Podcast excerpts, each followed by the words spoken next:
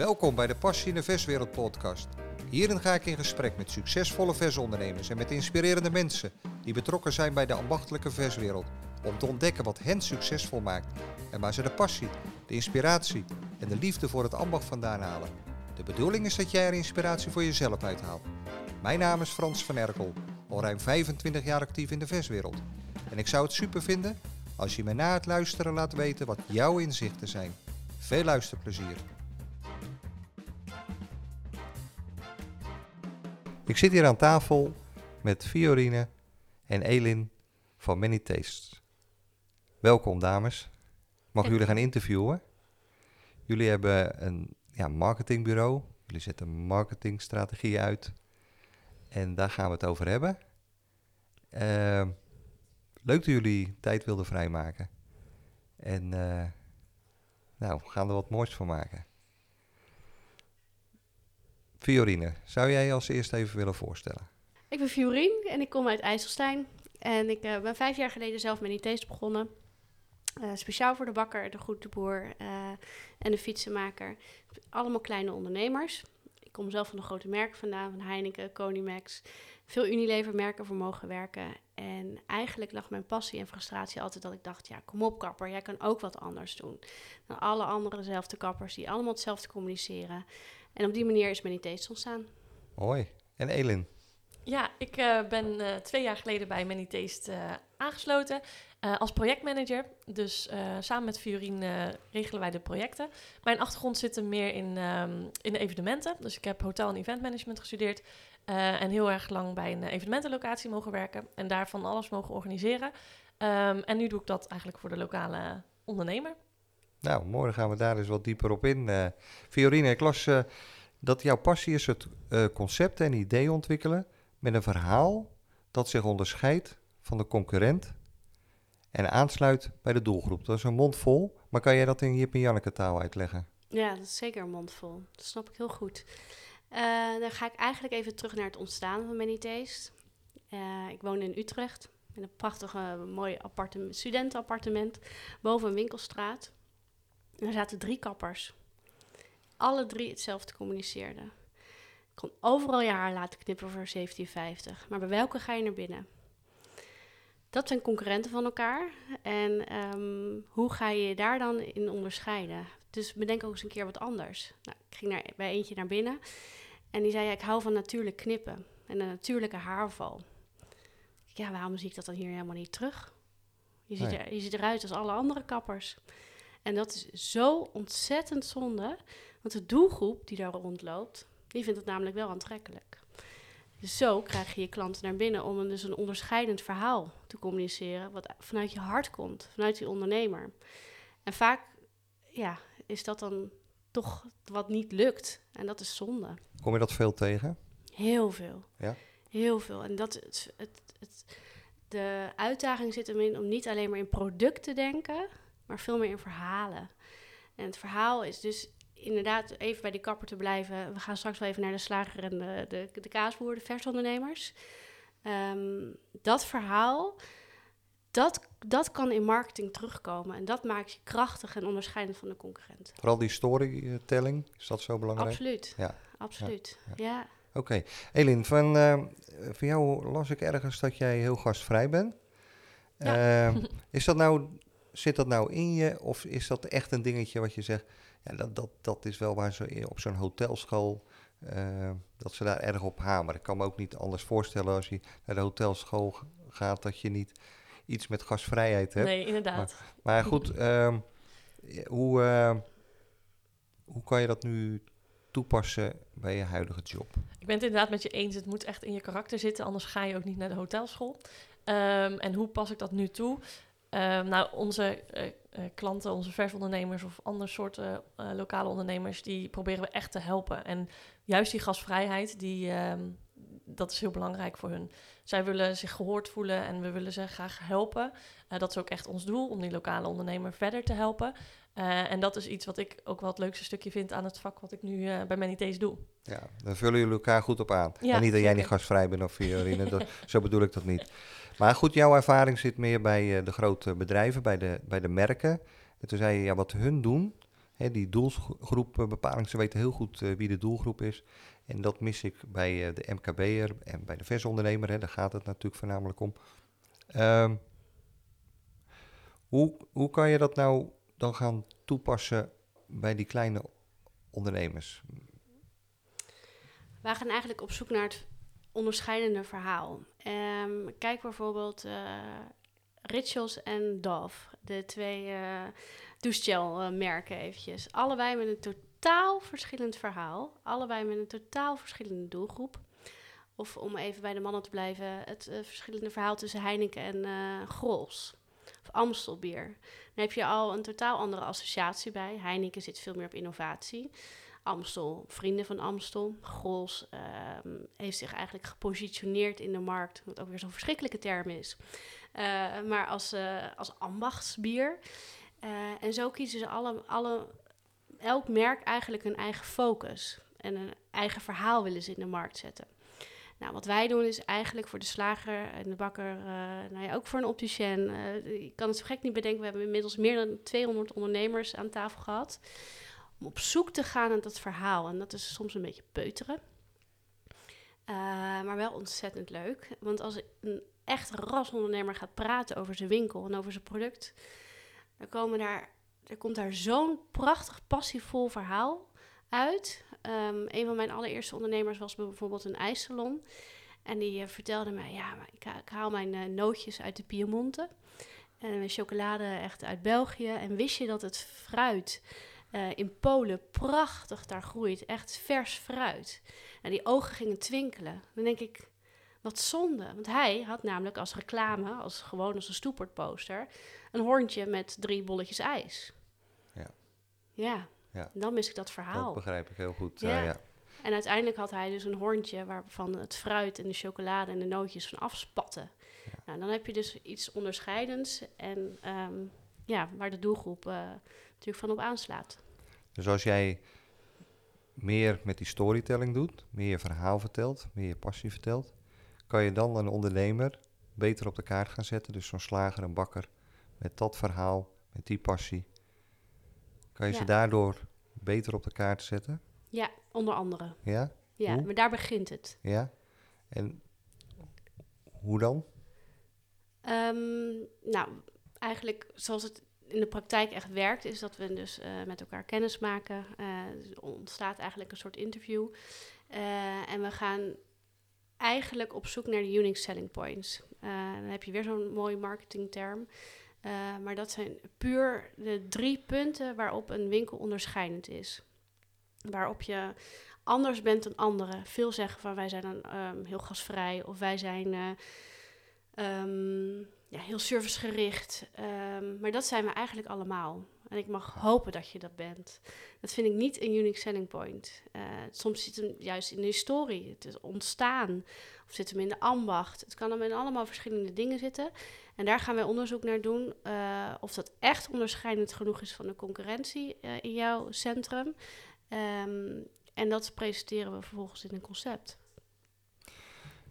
Al die dingen bij elkaar die je net noemde, krijg je dan uiteindelijk een soort marketingstrategie? Eh, een woord wat natuurlijk een, ja, alle kanten mee op kan. Maar zit dat daarin verweven? Dus Ja, dat je zegt, nou, die dingen die ik net noemde bij elkaar, dat vormt de marketingstrategie ja. waar we mee aan de bak gaan. marketingstrategie eh, zien we vaak dat er wordt nagedacht van oké, we gaan kijken naar advertenties, naar social media. Eh, nou, ik wil ook ehm, een eh, billboard in de stad en ehm, nou, et cetera. Dat zijn de middelen. En dat is eigenlijk het aller, aller, allerlaatste. Want veel ondernemers schieten al heel snel in advertenties en in reclameuitingen. Maar wat ga je dan communiceren daarin? Dus dat is eigenlijk ongeveer de, eigenlijk echt de allerlaatste stap. Marketingstrategie begint met één, het creëren van je verhaal. Waar ben ik nou echt uniek in? Twee, zit mijn doelgroep daarop te wachten?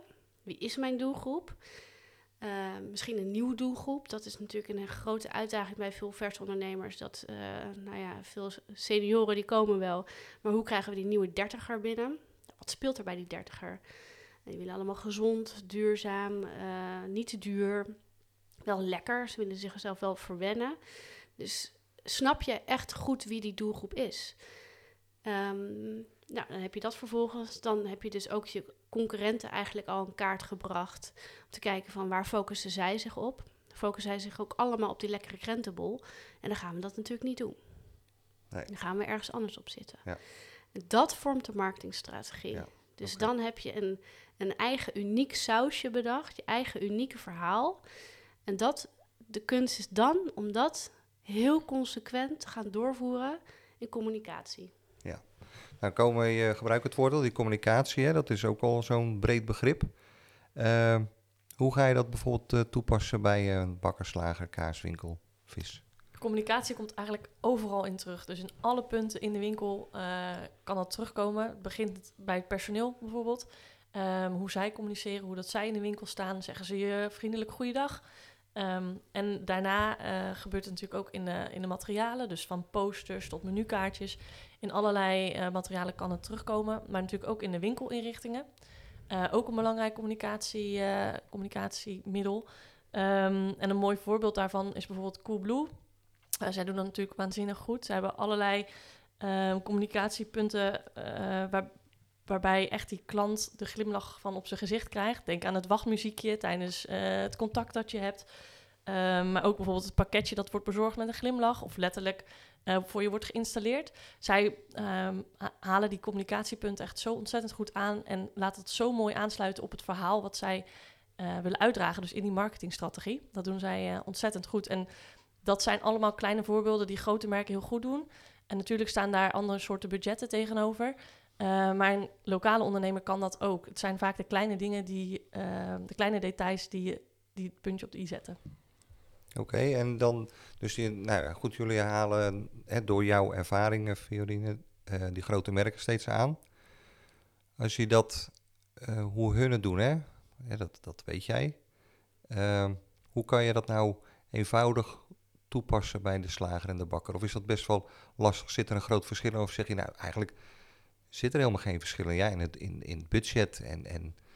Maar we kunnen dat eigenlijk wel zo omzetten naar een slager of een bakker. Of, of denk ik nu te simpel?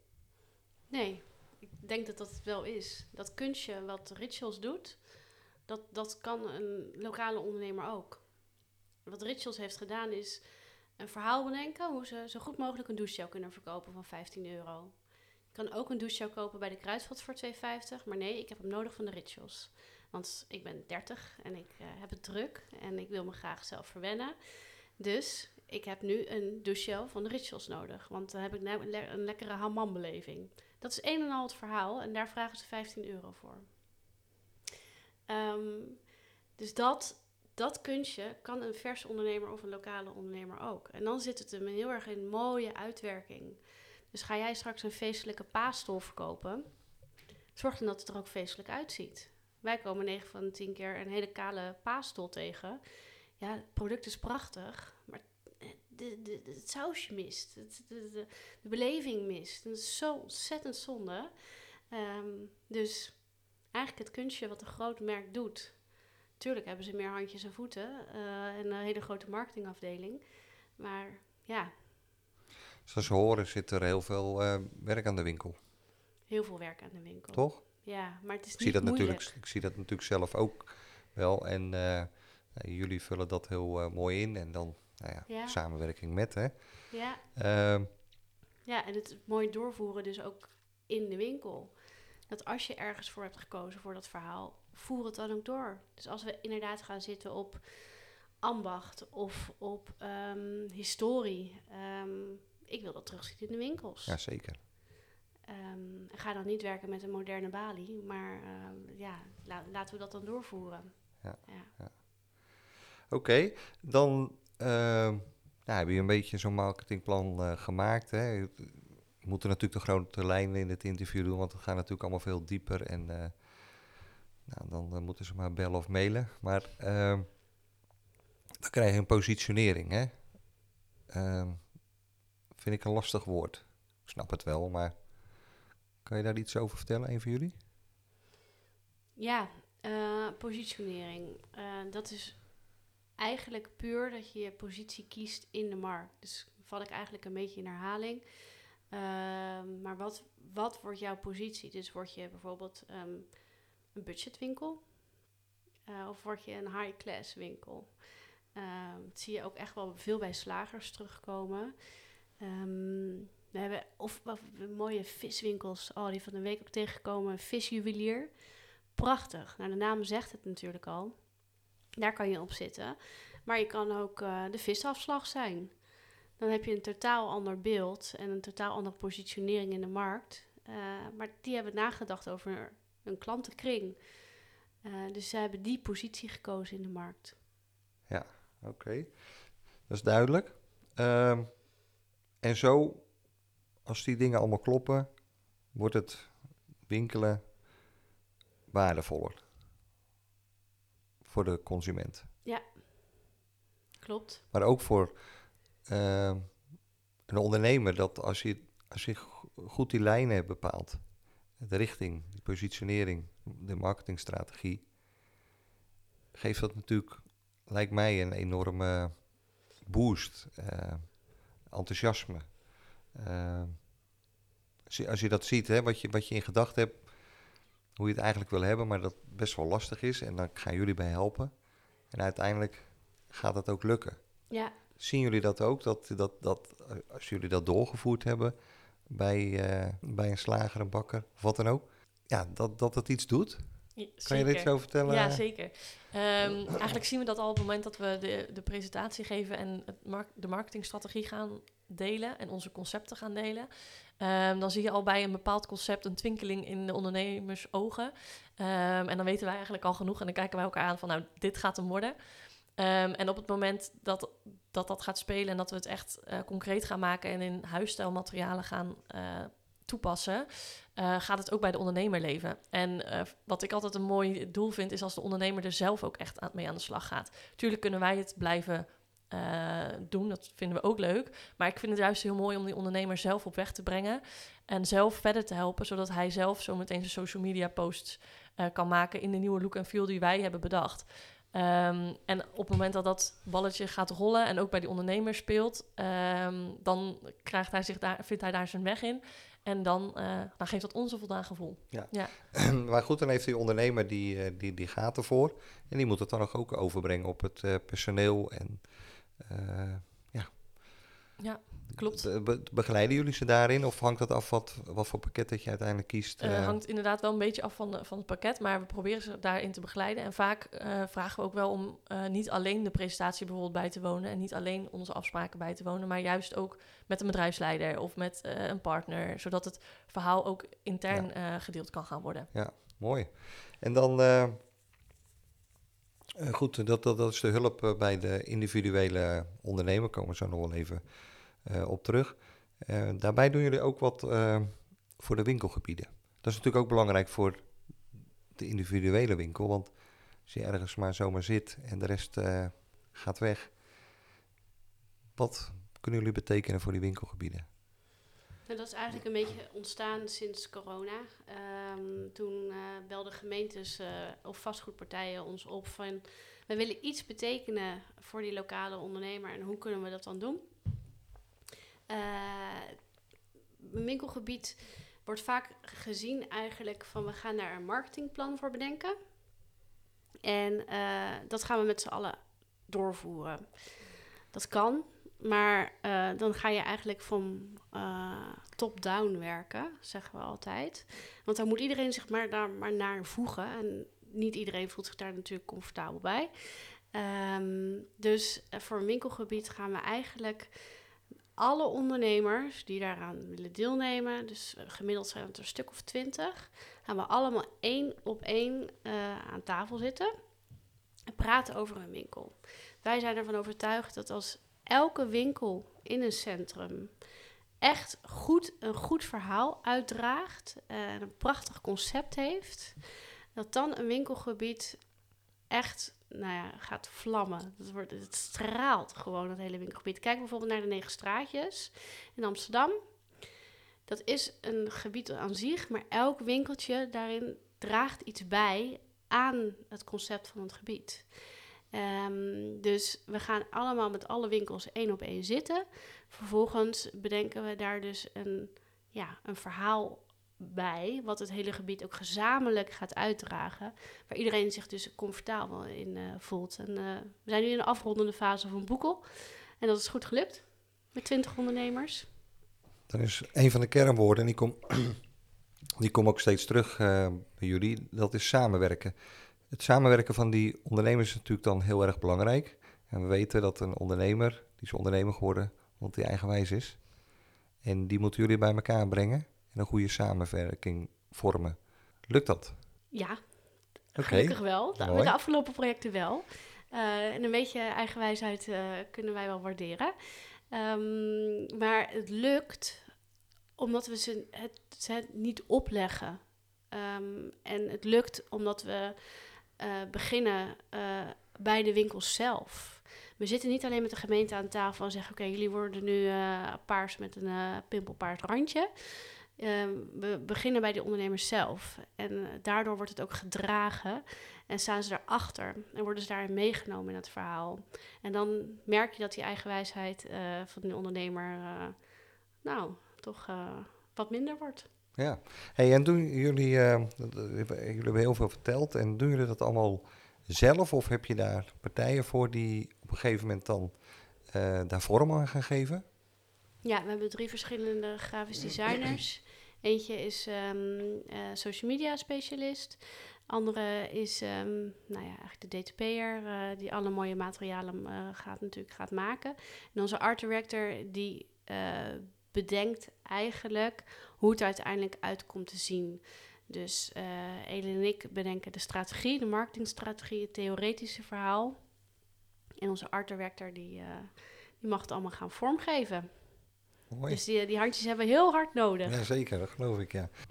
Die vormgeving is dan uh, ja, die, die is dan gemaakt. Hè? Dus dat, en dan, dan werken jullie heel vaak met, uh, met posters. Dat, is, dat noemde jij al eerder, voor in de stoelborden.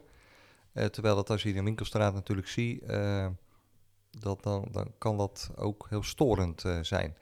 Maar jullie vinden het wel heel belangrijk. Klopt dat? Mm, het is een onderdeel van, ja. de stoelbord heeft nog steeds een ontzettende grote stopkracht. Uh, je moet hem wel goed gebruiken. Nou ja, dat is denk ik bij velen het probleem. We hebben een stoelbord gehoord dat naar buiten. Ja. En nou, we weten zelf wel wat we zien op, op ja. de straten. Ik zou altijd aanraden om een aanbieding wel op te communiceren. Eén aanbieding. Uh, je komt ook wel stoelborden tegen waar het hele menu op gepresenteerd staat. Dat is niet de plek voor een stoelbord om dat daar te communiceren. Uh, dan zou ik inderdaad iets, iets van een aanbieding daarop communiceren. Maar daar blijft het ook bij. En je moet hem vaak wisselen. Mensen die er drie keer per week langslopen, die hebben hem op een gegeven moment wel gezien. En dat kom je ook heel vaak tegen. Ja. Je ziet natuurlijk ook heel veel, of half verrot, of uh, die, die platen vergeeld, uh, vocht erin. Dat, dat, dan, wordt het, dan, dan is het natuurlijk net niet. Dus dat, dat is wel belangrijk. Dat het er gewoon strak uitziet. Nou, wat Elin ook al zei, dat is een onderdeel van je communicatie. Ja, ja. Je hele winkelinrichting en je hele uitstraling. Daar, daar begint het ongeveer nummer één al. Ja. Uh, waar je gewoon punt op verliest. En als jij nou ja, de nodige prijzen vraagt, misschien een wat hoger marktsegment zit, dan mag je er ook wel voor zorgen dat je geen geel stoeport hebt. Nee, precies. Goed, en dan hebben we natuurlijk die winkels gehad en die winkelstraten. En dan mag Menitees ook nog de Slavacto gaan organiseren voor uh, 2022. Een heel mooi project. Heel wij staan zelf op de Slavacto, dus zijn natuurlijk uiterst benieuwd. jullie gaan er een feestje van maken.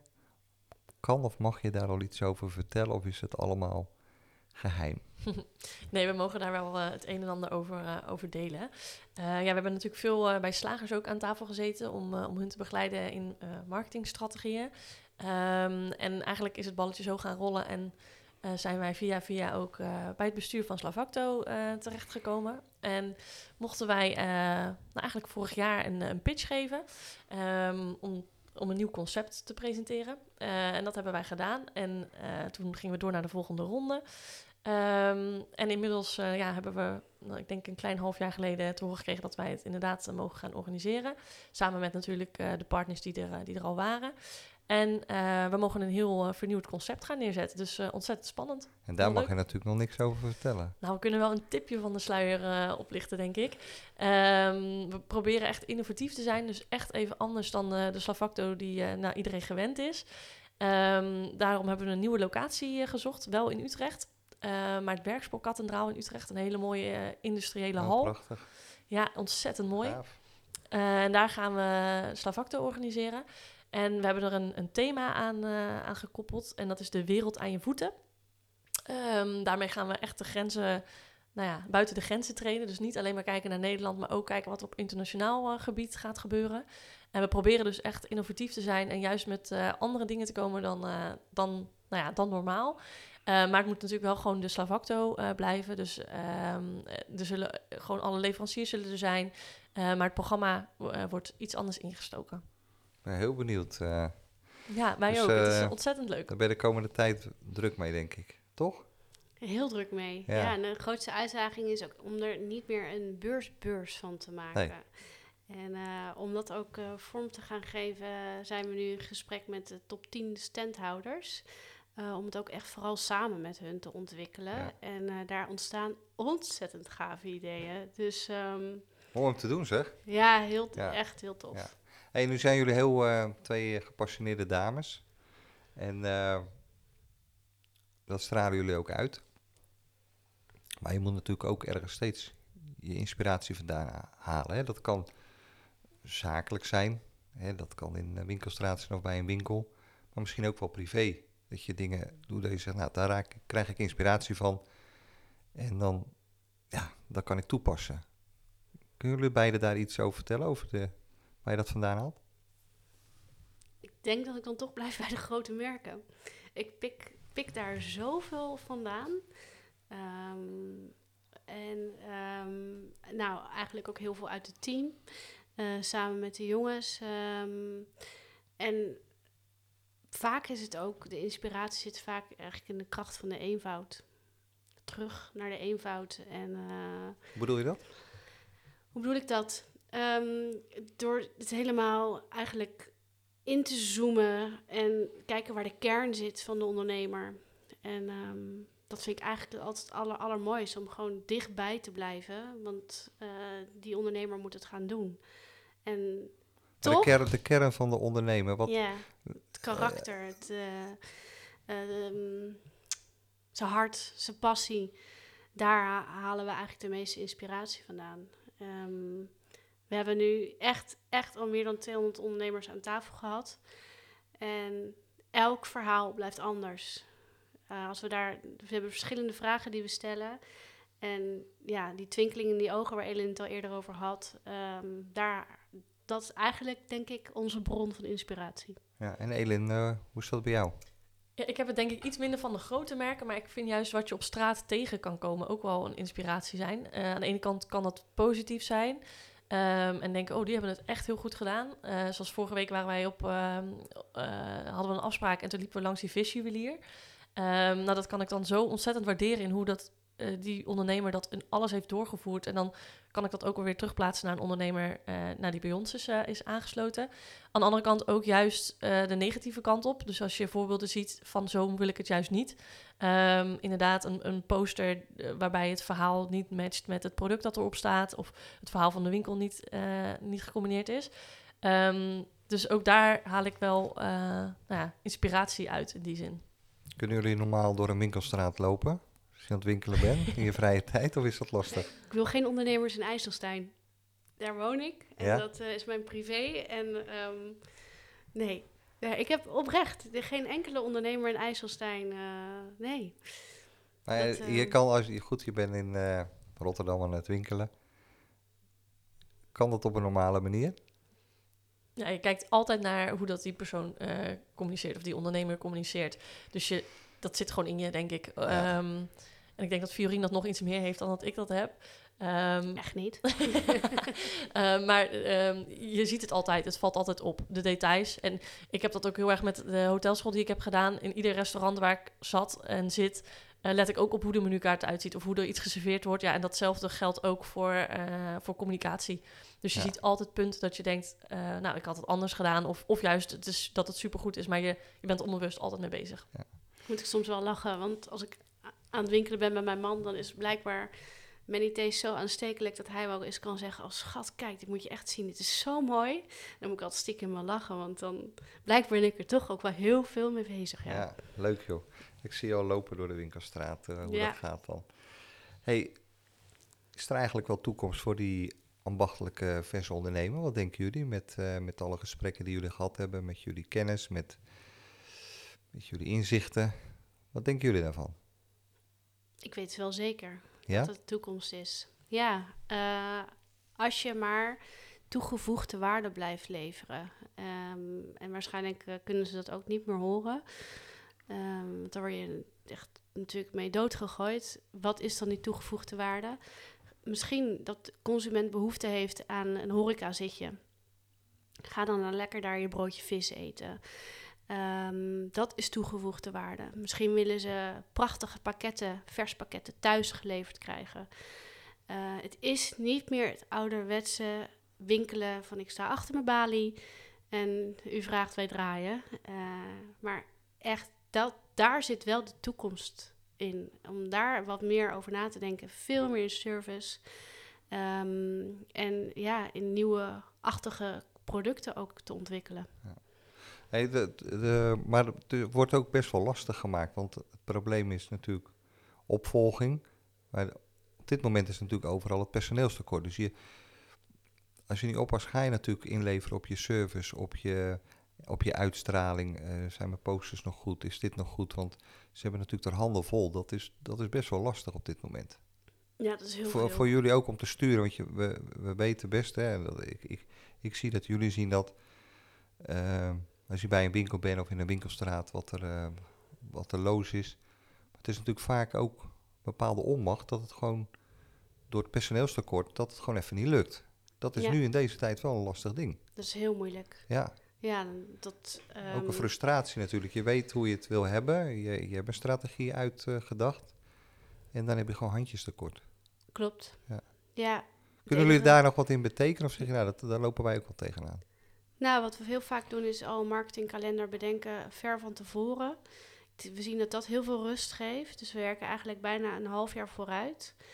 Ehm, en omdat het verhaal al zo duidelijk is vormgegeven, helemaal stap 1, kunnen we dus supersnel al uitrollen. Ehm Oké, je aanbieding, et cetera, bedenk je misschien wat later. Maar eh, de acties en de campagne, ehm, wat we gaan doen aan of een event bijvoorbeeld, eh, werken we al heel ver vooruit. Ik denk dat dat heel veel rust geeft ook. Oké. Ehm, want jullie werken dan met verschillende eh, pakketten waar, je voor kan kiezen. Dus Ja. gewoon van van een simpele tot uitgebreid begeleiding maandelijks. Ja? hè? Ja, dat klopt. Ja, inderdaad. We hebben eigenlijk hele transparante pakketten. ehm, met ook gewoon een vaste prijs er, eh, eraan. Dus je weet precies eigenlijk waar je, waar je aan toe bent. Eh, en pakket 1 is inderdaad die strategie. Eh, pakket 2 is, is de huisstijl. En dan gaan we gewoon samen zitten om te kijken in wat voor materialen nou ja, we elkaar dan kunnen helpen. Ehm, en inderdaad, daarin kunnen wij ook het stukje de ondernemer ontlasten om in pakket 3, dus dat is eigenlijk stap 3, eh, ook echt daadwerkelijk verder te helpen. Dus dan gaan we aan de slag met zo'n ehm halfjaar of jaarkalender. Om gewoon die momenten daar vast uit te pikken eh, en die vast klaar te zetten. Zodat, nou ja, zoals een maand, maand december bijvoorbeeld is natuurlijk voor veel ondernemers een drukke maand. Eh, dan zorgen we gewoon dat dat eh, in, in een wat rustigere maand zoals oktober of november gewoon al klaar staat en al ingepland is. Dat kan bijvoorbeeld online op social media kan dat heel erg goed. Eh, en dan hoef je daar niet meer aan te denken. En mochten er dan spontane momenten zijn eh, dat het bewijzen van eh, sneeuwt of dat, eh, nou ja, zulke soort dingetjes, dan kan dat altijd ehm, eh, nog erop gezet worden. als die ondernemer daar tijd voor heeft. Maar dan staat de basis staat dan al vast. Ja. Dus dat is. nou, dat is mooi. die rust, dat is belangrijk. ja, ja, we Ja. proberen echt die ondernemer te helpen. Dat is echt ons doel. Een ondernemer staat ja, voor ons op nummer één. Ehm, dus als wij die persoon daarmee kunnen helpen, dan, ja, dan doen we dat heel graag. Hey, dan hadden we net over dat jullie wel eh, goede hoop hebben, verwachting voor die, eh, voor die ambachtelijke versondernemer. Maar hoe, wat voor verwachting heb je voor de winkelstraat, de MKB'er, met al het online geshop? Is, daar, is dat nog wel, eh, heeft dat nog wel toekomst, die winkelstraat? Ja, wat ik leuk vind om te zien is dat heel veel online retailers ook eh, online beginnen en dan toch een fysieke locatie gaan openen. Dat vind ik zo ontzettend interessant. Want blijkbaar missen ze online dus iets wat ze in de winkelstraat wel kunnen leveren. Hoe ervaren jullie dat dan zelf? Hè? Het online is natuurlijk verschrikkelijk makkelijk. Soms voel je je bijna schuldig als je online aan het bestellen bent. Ik weet niet of jullie dat ook hebben. Ja, Ja, dat herken ik ook. Ja? ja. zeker. Dan voel je je echt wel schuldig. Ja. Het is natuurlijk het gemak en, en, en versnel dit en versnel dat. En dan heb je besteld en dan denk je, shit, weet je wel. Kon dat niet eh, anders? Maar ja, zo, denken wij, maar misschien de meesten niet. Maar toch hebben jullie verwachting voor de winkelstraat. Ja. Weet je wat ook leuk is om te weten, is dat eh, online gedrag is vaak van we zijn op zoek naar specifiek dat rode jurkje of die specifieke barbecue. Ehm, en eh, de, de, de hoogte van een bonbedrag eh, in de winkel, dus als jij op zoek gaat naar dat rode jurkje, dan koop je toch, toch wat meer. Want er komt toch ook die spijkerbroek erbij en eh, nog die haarelastiekjes. En opeens zit dat het hele mandje wel toch vol. Ehm, en heb je dus meer gekocht dan eigenlijk online, dus is dat bes- bestedingsbedrag veel hoger. Ehm, en dat, dat heeft een en al te maken met plezier en beleving en het ervaren, eh, het, shopervaring gewoon aankleden en het weer leuk maken. Het leuker maken dan online. Ehm, ja, en dat kan in de winkelstraat, absoluut. Er is natuurlijk een hele periode geweest en misschien zit daar nu verandering in. Dat ja, veel winkelstraten aan het verloederen waren. Dat je daar niet, zeker niet eh, als het eh, als donker is, wil lopen. Eh, ik weet nog wel, dat weten jullie ook nog wel, dat een koopavond. Ik, woonde in Bergambacht.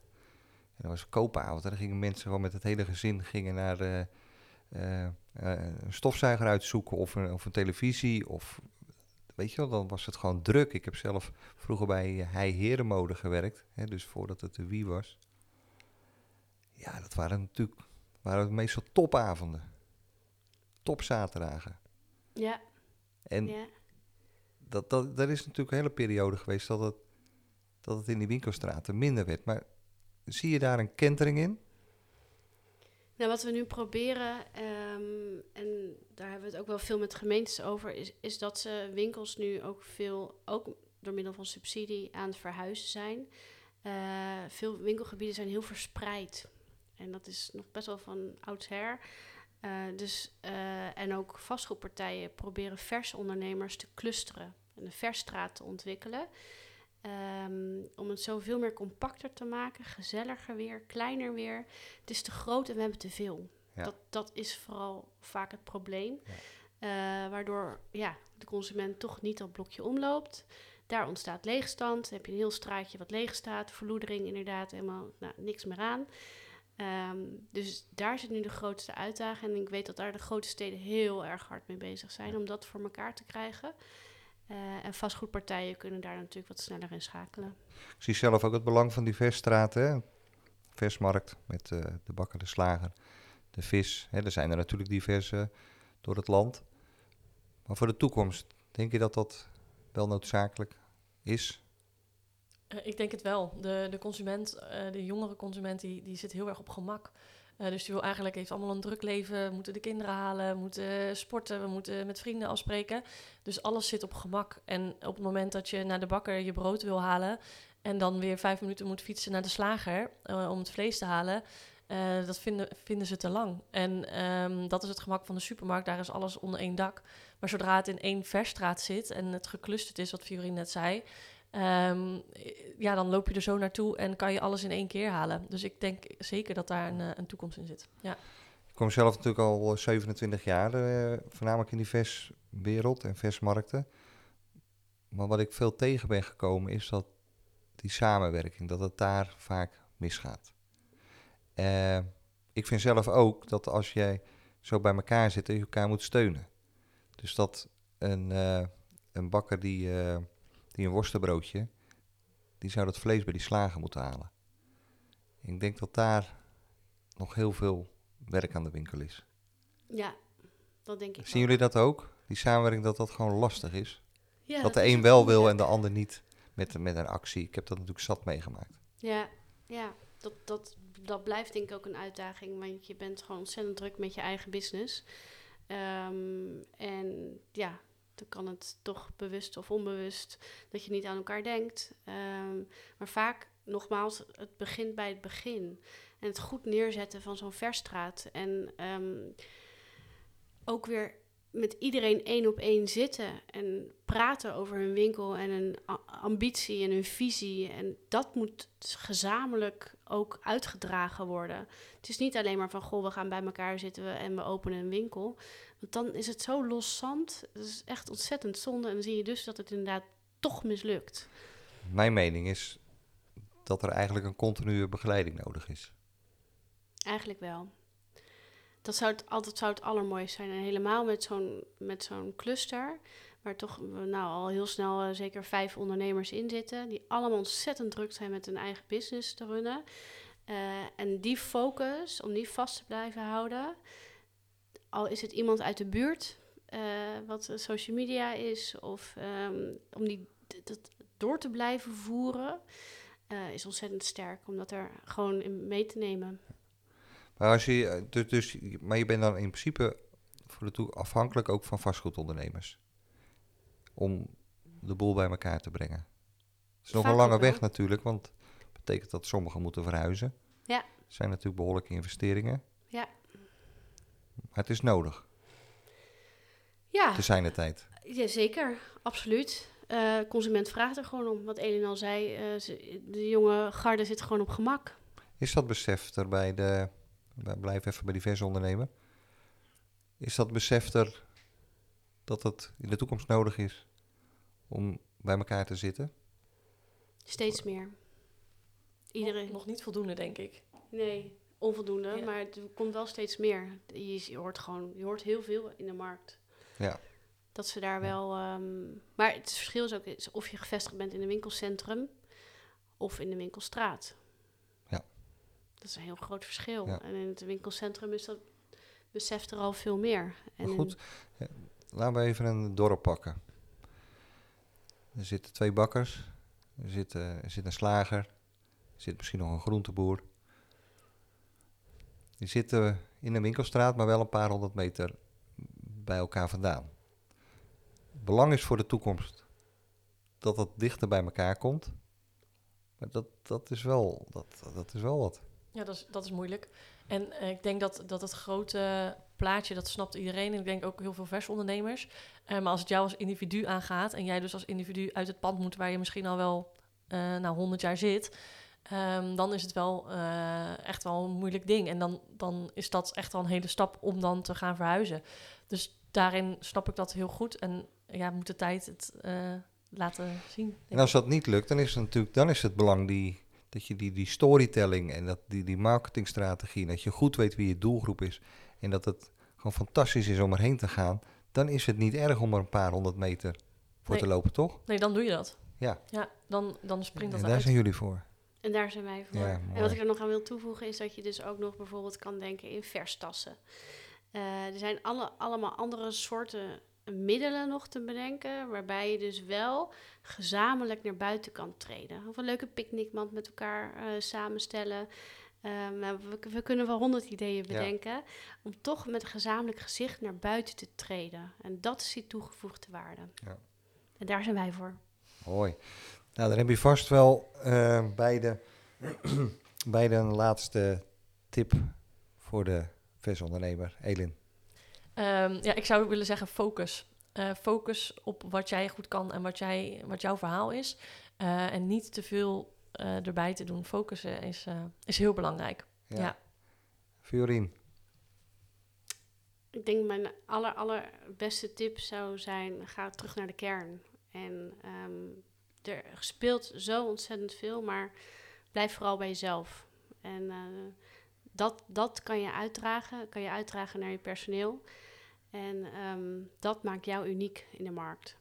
Dus probeer je niet jezelf te verleiden met de meest innovatieve kunstjes, et cetera. Maar blijf gewoon bij jezelf. mooi slot. Jullie hebben heel veel eh, gedeeld. Eh, heel veel tips, heel veel ja, waardevolle info. En eh, ik zou nog wel uren door kunnen praten en dieper erop in kunnen gaan. Maar goed, een podcast moet geen uren duren. Jullie hebben al heel veel gezegd waar men mee aan de bak kan. Er is werk aan de winkel.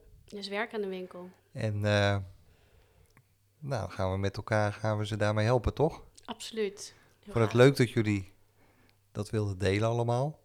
En eh, ja, we komen elkaar eh, natuurlijk met regelmaat tegen. En eh, ik ben natuurlijk heel benieuwd naar de Slavacto, waar we zelf ook hopen te staan. En eh, 4 en 5 oktober. Schri- Schrijf ze vast in je agenda. ik ga het doen. En eh ja, Fiorien, jij eh, succes. Want jij gaat er even tussenuit. Ja, Ik hoop dan weer een kleintje te krijgen. ja, Dus eh nou, hopen dat alles goed gaat. Neem je rust. dankjewel. Zal ik doen? En, ga, ik ga het eh, proberen.